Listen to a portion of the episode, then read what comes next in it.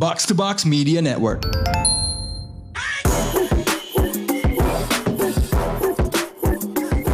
What up, what up? You're now listening to the most valuable basketball podcast in Indonesia. Box Out is in the house.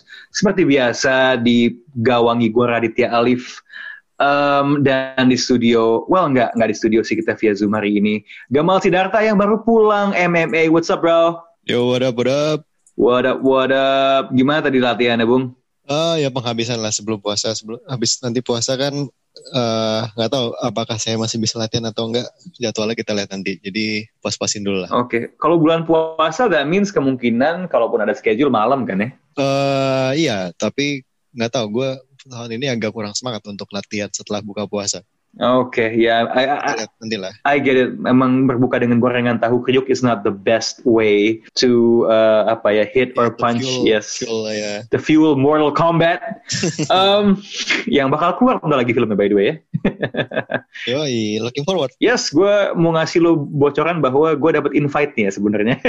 Iya, tadi, Dari- saya bareng teman anda lagi dan dia eh, m- mengatakan hal yang sama sih. oh iya iya iya iya. Tem- teman saya kalau nggak salah main video game tadi pagi di bioskop. Kalau nggak salah. Kalau Oh, nggak ada, salah. eh, itu buat ini ya, buat promonya ya. Ada, ada buat buat juga. promonya biasa kan bioskop just trying to do as much engagement as possible untuk meningkatkan citra positif ya kan masih agak gimana gimana kalau lo ke bioskop ya it's understandable anyway juga ada Tufel Muhammad it's actually when's the last episode you were on the show ya Fel ya? Eh, episode berapa ya? Kayak tiga, tiga episode lalu ya. Lupa yeah man you've been busy lately what's up Iya, bro Iya, lah. What's up man? Gue emang lagi kantor lagi kebetulan sangat sibuk. Closing ya? Si benar. Masih closing tahun lalu juga masih closing laporan keuangan 2020 tuh masih agak-agak sisa-sisa. Tunggu, tunggu, tunggu. Kalau lo bekerja sebagai, I don't know, akuntan atau financial this and that, emang Hmm. closing itu sekarang ya? Closing itu sebenarnya setiap awal bulan yang sibuknya. Oh, oke. Ini udah closing awal bulan yang rutin, terus closing akhir tahun 2020 juga masih ada sisaan kerjaannya. Oh, Terus karena kantor gue mencatatkan rugi yang sangat menghebohkan tahun 2020, jadi kerjaan Oke. juga tambah banyak juga. relax. I will not disclose kantor lo apaan for your own professional interest. Ini kirain yang closing barbar aja mau bulan puasa ya. Um, speaking of bulan puasa, um, gue rasa sudah menjadi kewajiban bagi gue untuk mengatakan bahwa karena bulan puasa udah mau datang, tolong jangan berbuat eh, zina. Tolong kalau misalnya memang punya hobi-hobi yang melibatkan em, orang berkelamin lain dengan pakaian tidak senonoh, sebaiknya jangan diumbar di Instagram Live kayak Bung Paul Pierce ya. Uh, were you aware of Paul Pierce and that whole frakas um, Gamal? Lo, lo lihat di social media juga video di mana ternyata dia IG live di rumahnya, and it seems like he's in front of a computer. Eh, enggak sih, while dia lagi megang handphone, dan di belakangnya literally orang suka bilang pijit plus plus literally ada cewek yang lagi mijit leher dia. But the but the funny thing about that video adalah well two things. Satu sebenarnya gue rasa itu party jauh lebih vulgar daripada apa yang nam- nampak. Tapi sekelibat sekelibat di belakangnya Paul Pierce there is an ass twerking. Dan yang paling bikin gue ngakak adalah this is Paul Pierce followersnya banyak videonya lebih cocok masuk uh, Pornhub dan yang nonton live cuma 300-an ya Lo bisa ini gak sih buat kalau live tuh cuma bisa uh, close friends doang. Bisa bisa gitu gak sih? Gue gak tahu. well itu gue Maksudnya- tahu Rasio follower dia sama yang nonton live kan kecil banget kan. engagement rate terlalu kecil untuk sebuah konten yang triple X soalnya, Bung. Iya makanya apa kayaknya kan dia live-nya cuman uh, sama close friends-nya doang gitu kan. Terus ada yang ada yang ini ada yang snitch gitu. Sebenarnya dari Oh. formula untuk konten jadi viral tuh udah ada semua gitu, udah ada Right. udah ada cewek-cewek ber, berterbu- keterbukaan, ada pemain NBA yang sangat terkenal. Tapi Ya, kita masih open minded di sini ya, open minded. It should have been a growth hack ya dari dari segala elemen yang masuk di dalamnya. Yang yang juga lucu soal that whole incident juga adalah ada kan biasa nih netizen yang nonton tuh pada komen kan. Ada yang bilang Rachel Nichols mana? Kamu. Gue lebih nyariin Rachel Demita sih kalau misalnya di situ. Eh, selera ketahuan, Bung. Eh, Rachel Demita tuh yang main basket kan ya? Iya. Right. Andre Robertson kan? Dia pacaran. Oh iya iya betul Iya. betul. Is that like now atau Ya, atau sekarang, gimana? Sekarang. Terakhir gue Gitu. tahu ya. Harusnya sih sekarang masih. And they say that Andre Robertson gak bisa nge-shoot ya. Yoi, all switches man. Shooting Oh. tens deh. Iya dia dia nge-shootnya di off the court semua. Jadi dia Ya ya ya ya. yeah. udah habis. Oke. Ya. Dan tentu saja uh, semua tingkah laku yang dilakukan di social media punya konsekuensi. The only thing that surprised me about the outcome was the fact that Paul Pierce was really trying to appear like he was chill about it, you know? Yeah. Kayak winning, senyum, dan biasa ngomong seolah-olah dia sendiri. You know, the whole how someone like Al Karin would carry herself gitu loh. Right? Kayak, enggak kok ini dunia yang melawan gua gitu. But seperti yang bisa ditebak, uh, he parted ways sama ESPN. Jadi kita tidak akan melihat uh, take-take ya. Gua gua akan merindukan take kayak gue bisa ngalahin Dwayne Wade um, di di the jump. Ada nggak sih take-take-nya Paul Pierce yang akan akan lo kangenin? Uh, Gamal atau Tufel atau I don't know any kind of opinion he has ever said, uh, his presence uh, on the media. Kayaknya dari the, the moment dia udah di compare di The Jump sama Dwayne Wade itu dia udah mulai unravel tuh kayak turning point itu di situ. Tapi one Hmm. thing we can say about Paul Pierce dan the whole debate dia versus Dwayne Wade adalah Dwayne Wade wouldn't have the balls to show his IG live with girls twerking on the background, bro. Tidak mungkin. Pierce menang kalau di battle ini. Hey hey Bro, hey. bro, si Dwayne Wade kan family family man lah kan. Dia dia gak kayak gitu lah. Dia kan Dia di Nggak rumah udah ada Gabriel Union. Jadi, jadi Well, dia- yeah. dia- dia- It's a little bit different when your wife is Gabriel sporting Union. gay son segala macam Iya, datang iya. gay seperti gitu kan dia udah ya udah lah dia beda beda Ya, his woke lah ya, beda-beda. Woke, Spektrumnya iya. beda lah. Spektrumnya beda lah. Um, so we can also say obviously bahwa Paul Pierce sudah tidak bisa nge-monetize komen-komennya di ESPN. Speaking of monetization, uh, I got some info mungkin buat teman-teman podcaster basket yang lagi dengerin uh, podcast ini. Dan sebenarnya box out dan podcast box box lainnya juga sering dapat pertanyaan soal Kak, gimana caranya nge-monetize podcast? Gimana caranya collab sama brand gitu? Well, uh, worry not. Sekarang box out itu kita lagi make sebuah platform namanya Podmetrics. It's really cool. Go try it out. Um, di situ lo bisa ngelihat analitik ya anak basket kan. So it's like it's not kalau it's basketball reference, maybe this is like podcast reference or something like that. so basically it's a platform di mana lo bisa masukin podcast lo, lo bisa lihat data yang sangat detail, tapi yang keren ya seperti yang gua allude tadi, you can monetize it. Go check it out. Opsi monetisasinya macam-macam, bisa melalui affiliate marketing, brand sponsorship, and it's really interesting. Coba aja, uh, lu pakai promo code-nya, referral code-nya Box Out, Box Out Indonesia to get the perks on the website. Dan brand juga bisa uh, use kode apa Box Out Indonesia. Website is podmetrics.co by the way. Uh, dan di sisi lain juga kalau lo pengiklan, kalau lo brand, nggak harus brand gede kok bisa juga I don't know UMKM gitu yang ingin, wah gue pingin deh apa namanya brand gue bisa diomongin di podcast-podcast. Um, go check advertisers.podmetrics.co. Um, use our code juga Box Out Indonesia. Referral code-nya kalau omongan gue belibet dan linknya bakal ada di bio box out. So go check it out. I implore all of you basketball podcasts to go try it out supaya kita bersama bisa nge-monetize, turn our numbers into Cha-ching, something. baby. Cha-ching. Yes, get that dough, get those stacks, three stacks gitu. Yo, so anyway, paper, baby. Podmetrics. Uh, it's actually a platform from the Philippines. Uh, gini deh kan, Philippines kan gue mengajak podcast basket, Philippines adalah negara basket, udahlah percaya aja gitu. Shout out Jordan Clarkson. Jordan Clarkson, uh, Jordan from Clarkson. runaway candidate for the six man of the year. lagi cedera bukan dia Uh, lupa gue. Kalian main fantasy dia lagi injured nggak di tim fantasy kalian? so anyway, go check it out. Podmetrics.co. Uh, referral code ya lo sambangin aja pakai referral code box out Indonesia di podmetrics.co. So yeah, Jordan Clarkson. So was he injured or not? Gue agak skip tadi. ya gue juga skip makanya gue uh, Ufel gimana? Can you check the cheat sheet? I don't know. Wait, gue minta anak intern ATTL dulu.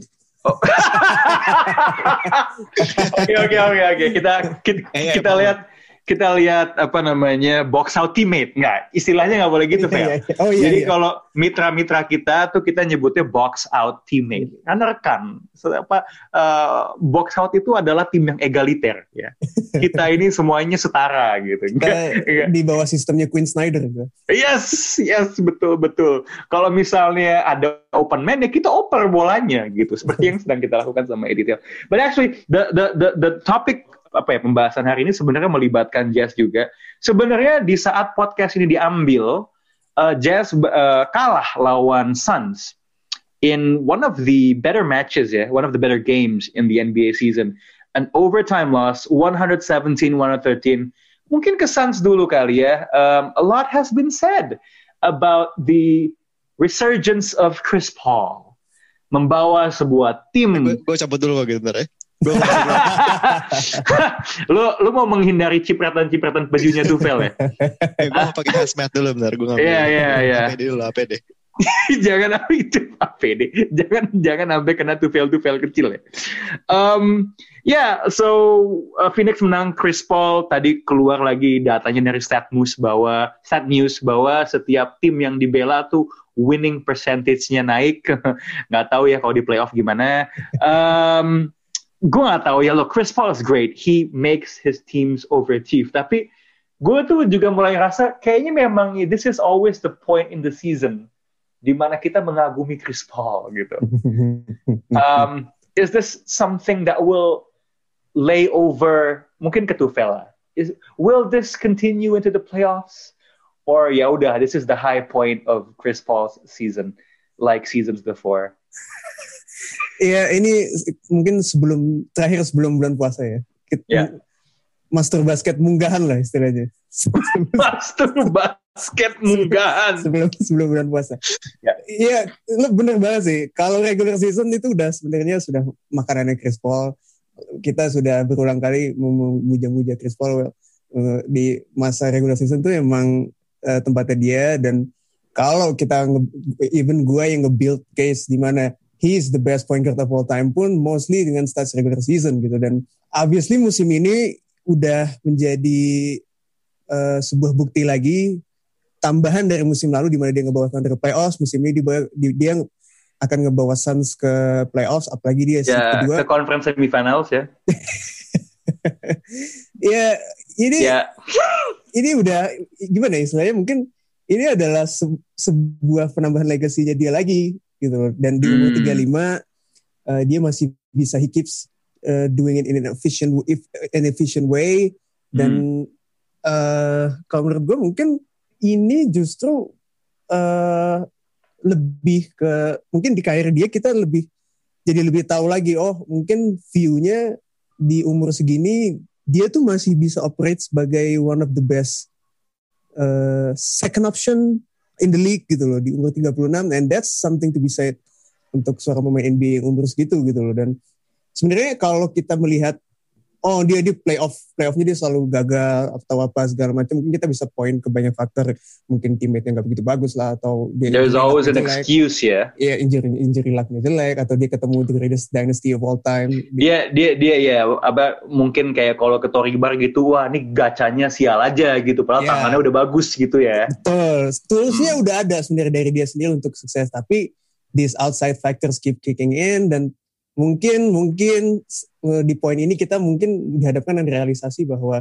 Chris Paul is the, one of the greatest point guards of all time. Tapi mungkin dia sebagai the number one option, number one primary option, belum ada bukti di mana dia bisa membawa timnya sendiri untuk take it to next level deep in the playoffs gitu. Jadi Iya. itu mungkin nggak cuma case buat Chris Paul, cuma mungkin untuk case buat point guard yang size-nya kecil. Hmm. Sebenarnya banyak narasi yang bilang kalau you can win with small point guards gitu. You have to Right. have a bigger uh, teammate, bigger second You you bigger you star. can't go to the to the playoffs eh to the to the, to the finals ya Yeah, with yeah. a with a small dude. With a small point guard. benar. Dude, oh, emang lo butuh temen yang lebih gede gitu ya? Ya, Oh, gitu ya. Kalau John Stockton tuh gimana ceritanya, men? Jangan tahu Kalau udah punya temen yang Bang? gede. Woohoo! Allen Iverson. Does Allen Iverson have more heart than Chris Paul? Mm, I'm just just ya Allen Iverson main di East waktu itu dulu. Oh, oh di Yes. baik baik baik. Persaingannya tidak seketat ya di, di, betul. di West Jawa Amerika. Tapi you know, um, Gamal ada yang mau ditambahkan soal Chris Paul atau enggak? Atau I'll just follow up with what I was gonna ask you originally. Gak usah lah. Udah, cukup. Oke oke oke. Nggak nggak. Because this is interesting. Talking about Chris Paul, ya. Terlepas dari how far he goes, is also talking about legacy, right? Karena sekarang tuh dengan analitik, with all we know, with all of these basketball games we can watch, Chris Paul is great. Tapi I am struggling to actually remember pemain yang level kesuksesannya kayak dia yang diingat 10-20 tahun kemudian. Kecuali dia unik banget. Ini lo, lo, lo tau maksud gue kan pemain-pemain yang nggak Iya, pernah iya. menang uh, the the ultimate prize. Kan lo bisa inget nih modelnya Karl Malone. Lo bisa inget modelnya Charles Barkley. Different position, different position. I get it gitu. Lo bisa inget Reggie Miller, ya. Menurut lo Chris Paul tuh 10 tahun dari sekarang banyak yang bakal inget dia nggak sih? Gue rasa 15 beda deh. sih. Mungkin mungkin zamannya beda ya. Kalau zaman dulu, Ah, the game is not as evolved, is not as big as now gitu. Iya. Dan eh, mungkin dulu ad- pasti ada juga orang-orang yang seperti Tufel gitu yang mengagung-agungkan orang-orang seperti Reggie Miller, seperti eh, Charles Barkley, seperti Iya. seperti siapa namanya Carmelo gitu. Tapi mereka nggak ada platformnya aja untuk discuss hal itu. Sementara kalau sekarang kan you go to Reddit, you go to insightful forums gitu. Pasti ada orang-orang yang like minded yang bisa ngomongin hal kayak gitu dan itu kalau misalnya at the right time gue bisa apa ya bisa catch fire gitu bisa Hmm. tahu omongannya ngelebar aja ke mana-mana dan I don't know getting some attention terus akhirnya diliput sama media ya bisa aja kayak gitu Hmm. Hmm. gue rasa sih pasti bakal banyak sih inget walaupun uh, dan dan sekarang apa ya gue ngerasa orang-orang harusnya lebih quote unquote open minded gitu kalau lu Iya. ngomongin prestasi seseorang ngomong legacy seseorang yang nggak nggak melulu soal rings Hmm. Ps- apa namanya personal pedigree itu juga udah udah cukup gitu untuk put you in the conversation walaupun nggak selalu goat tapi conversation ya one of the greats lah Hall of Fame dan lain-lain Eh, Vel, Yo. orang orang awam ya, menurut lo nih ya. Hmm. uh, 20 years from now. Yeah. Yeah. Assuming Chris Paul doesn't win one ring, he never makes it to the finals to the end of his career. Orang bakal lebih ingat sama Kyrie Irving atau sama Chris Paul ya menurut lo?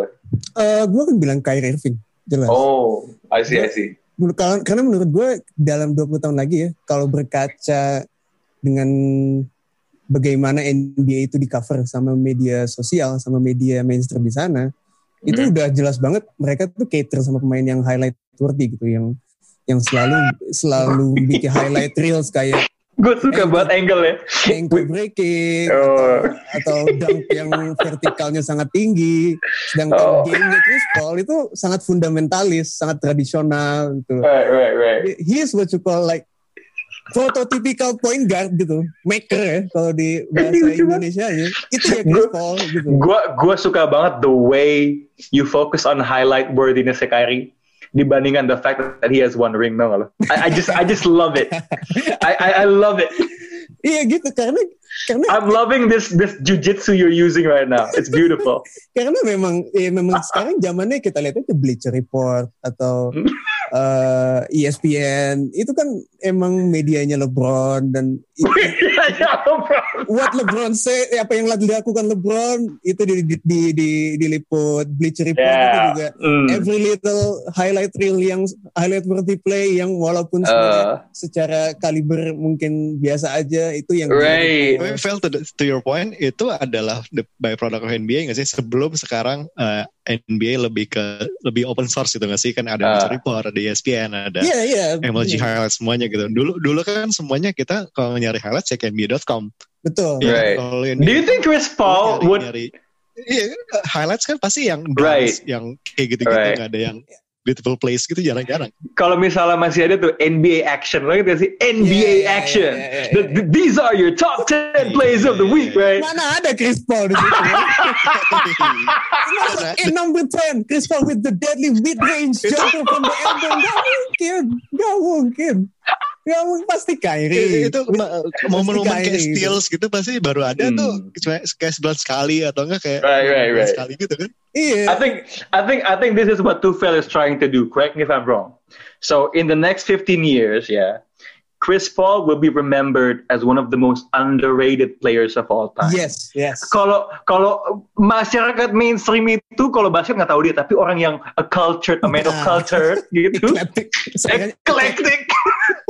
Ya, ibaratnya lo semua konsumsinya soda sama bir. ya, Yes. culture. yang yang Gitu. nggak tahu dibilangnya casuals, casuals. So Chris Paul will be anything. He will be Phil- classic Philistines ya, Philistines Bener, bener. Jadi kayak ah dia kalau kalau lo punya acquired taste ya tentang tentang bola basket, maka lo tahu Chris Paul.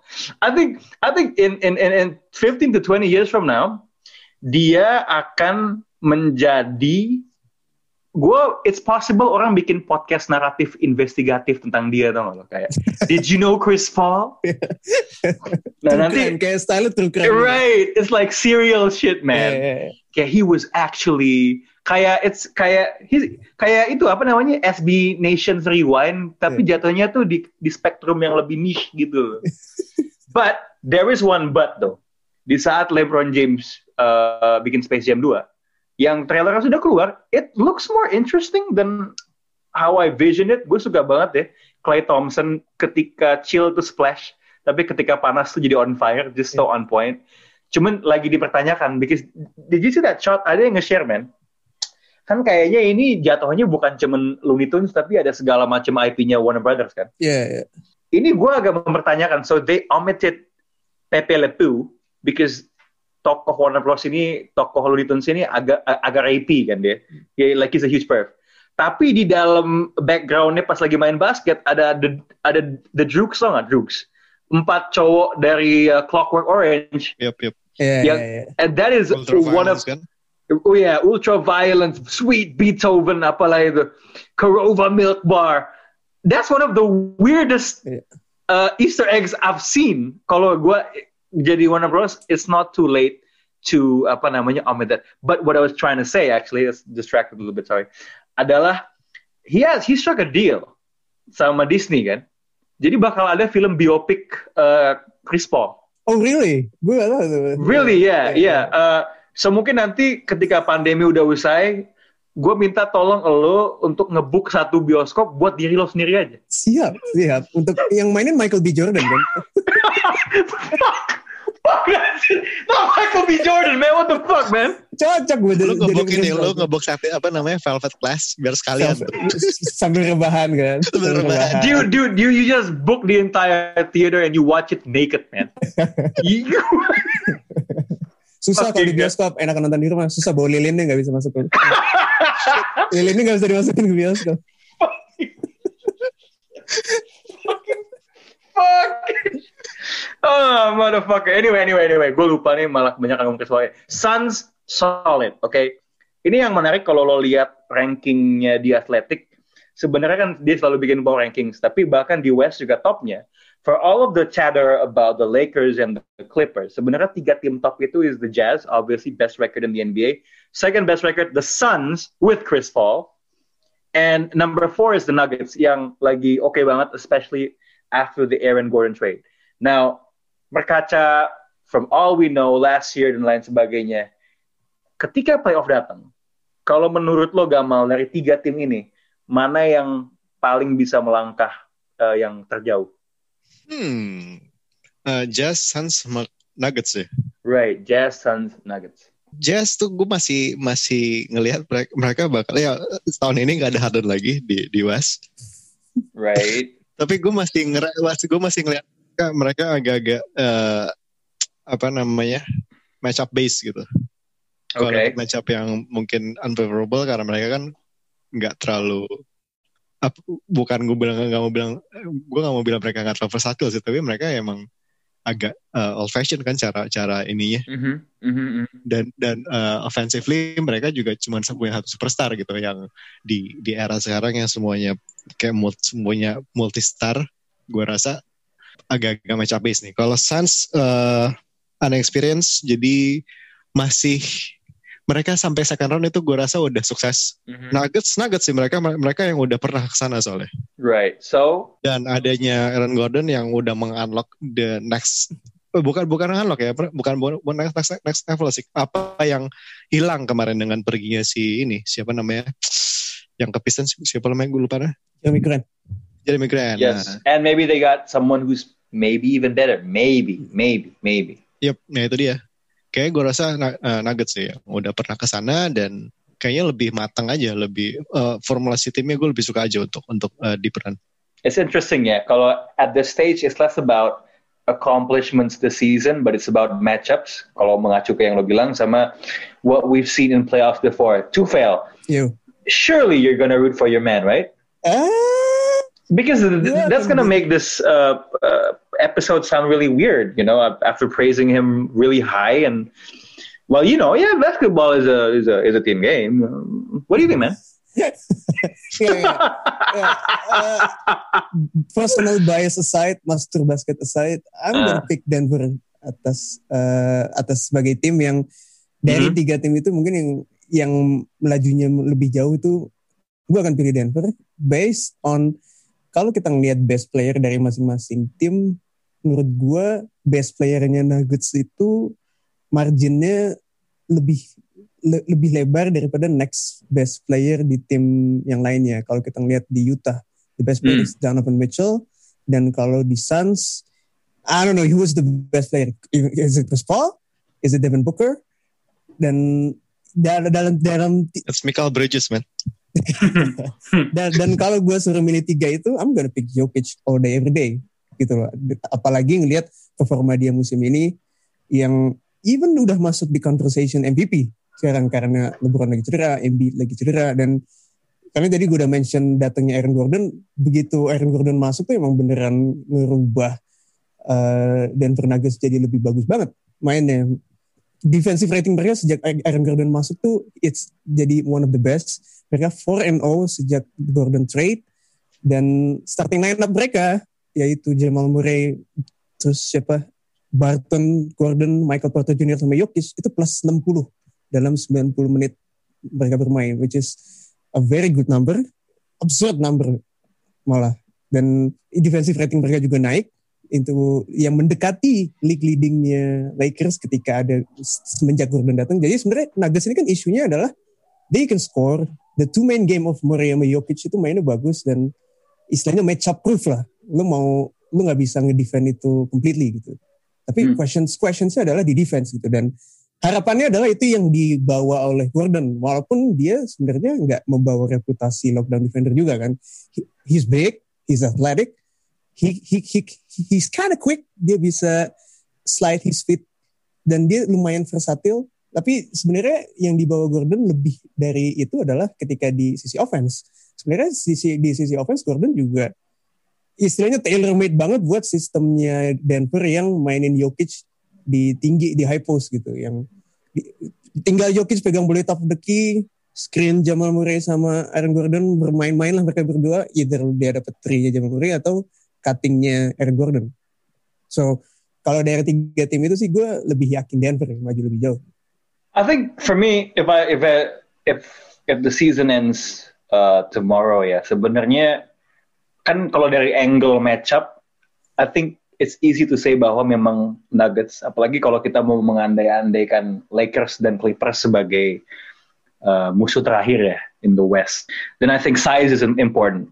And the Nuggets are a big team, and they have that player yang mungkin bisa memperlambat um, the LeBrons and the Kawhis of the world ya. Um, kalau kita ingat playoffs dua musim yang lalu tuh, kan uh, eh tunggu, was it last season atau dua musim yang lalu ya? No, dua musim yang lalu karena masih ada Kawhi, Kawhi, Kawhi. I mean, probably in the entire playoff salah satu series terburuknya Kawhi adalah ketika dia menghadapi Magic di ronde pertama sebenarnya. Uh, dia walaupun nggak dihentiin juga ya, dan kala itu the primary defender was Aaron Gordon. And I think the fact that Jokic, this has been an interesting season for an MVP race karena gue tidak merasa dari awal sampai akhir ada yang ngegas. Yep. Probably karena Embiid cedera kali ya. Um, and LeBron is always LeBron should have a lifetime achievement award for always being in the MVP conversation kan. Um, Portland sayangnya masih sangat offense heavy sehingga ya yeah, it's Dame doing Dame things gitu. And now Jokic is probably in the pole position. Dan kalau trajectory Nuggets naik, maybe he is. Plus dilihat dari advanced stats kan juga all of those I don't know win shares whatever kan he's always top gitu ya. Um, I would have to agree. Suns ini menurut lo kalau kalau kalau Suns ketemu Nuggets besok, eh, Suns ketemu Nuggets siapa yang menang? Suns ketemu Nuggets is Ini seven game series. Seven game series ya. Yeah. I feel that it's gonna be go close. Iya, Ah, gua it- it- minimal dua menang sih. Suns. Hmm. it could go either way. I'm gonna take Denver. Denver ya, BS tetap tetap tidak bisa dikesampingkan ya. Ya, ya, gue ingin mencoba. I mean, Jazz, Jazz tuh bagi gue offense defense jauh lebih jauh lebih komplit ya sebenarnya uh, in terms of the statistical performances. But there's huge questions about, especially in the wing ya. Uh, ya, lo lo sangat bergantung pada Royce O'Neal kan.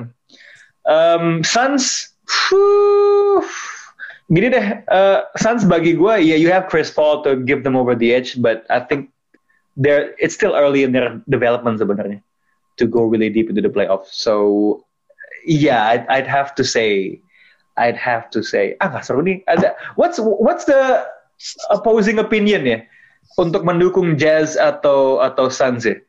Kira-kira ya. Suns gue bilang bisa bisa mengejutkan orang-orang sih.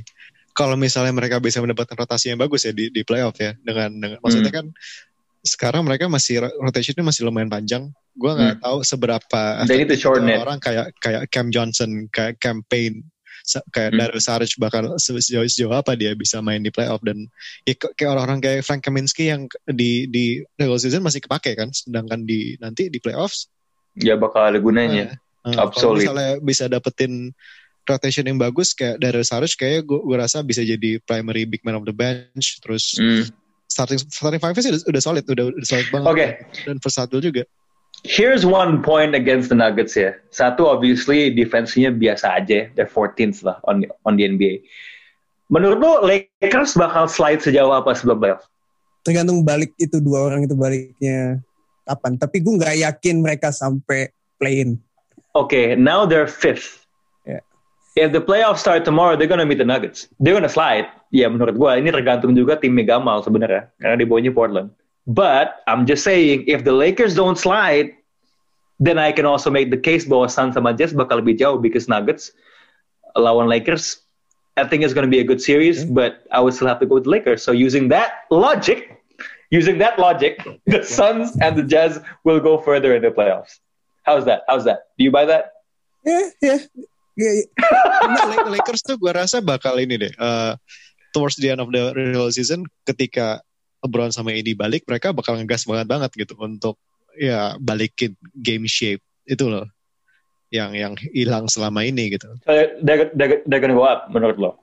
Yeah, they could. mungkin sekarang mereka bisa mungkin sekarang-sekarang dalam satu dua minggu ini bisa aja turun ke sekarang dia lima kan bisa ke enam bahkan ke tujuh mungkin tapi ketika nanti dia mereka udah balik pasti bakal ngejar lagi tuh untuk dapetin favor- favorable uh, playoff position juga. Dan mungkin juga mungkin mereka ngejar, ngejar mungkin nggak usah ngejar ini nggak usah ngejar posisi uh, playoff berth eh sorry apa namanya playoff seeding. Karena kayak waktu terakhir uh, LeBron di Cleveland kan dia kayak dia sempat 6 tuh berapa tuh seatnya paling rendah. Tapi kan ya udah dia akhirnya libas-libas semuanya aja kan lebih ke ngebalikin conditioningnya LeBron aja sih Hmm. Yeah, I think mungkin buat lo, uh, you, you might as well wish they don't get themselves to the third spot. Karena if I'm the Lakers, bagi gue 1 sampai 8 yang paling barbecue chicken is your team actually. Seperti biasa, uh, thank you Gamal, thank you Tufel. Yoi. yo thank you Ini gue ngomong cepet-cepet, ini ketahuan karena gue pengen ke Tori soalnya. That's why. So, anyway, uh, buat yang punya opini hot take lain, silakan uh, mention ke social media, Box Out uh, Indonesia. Dan of course, kayak yang gue bilang tadi, if you're interested to jump into the podcast game, the easiest way to monetize and work with brands is on podmetrics.co. Use our referral code Box Out Indonesia. This is Box Out, and we out.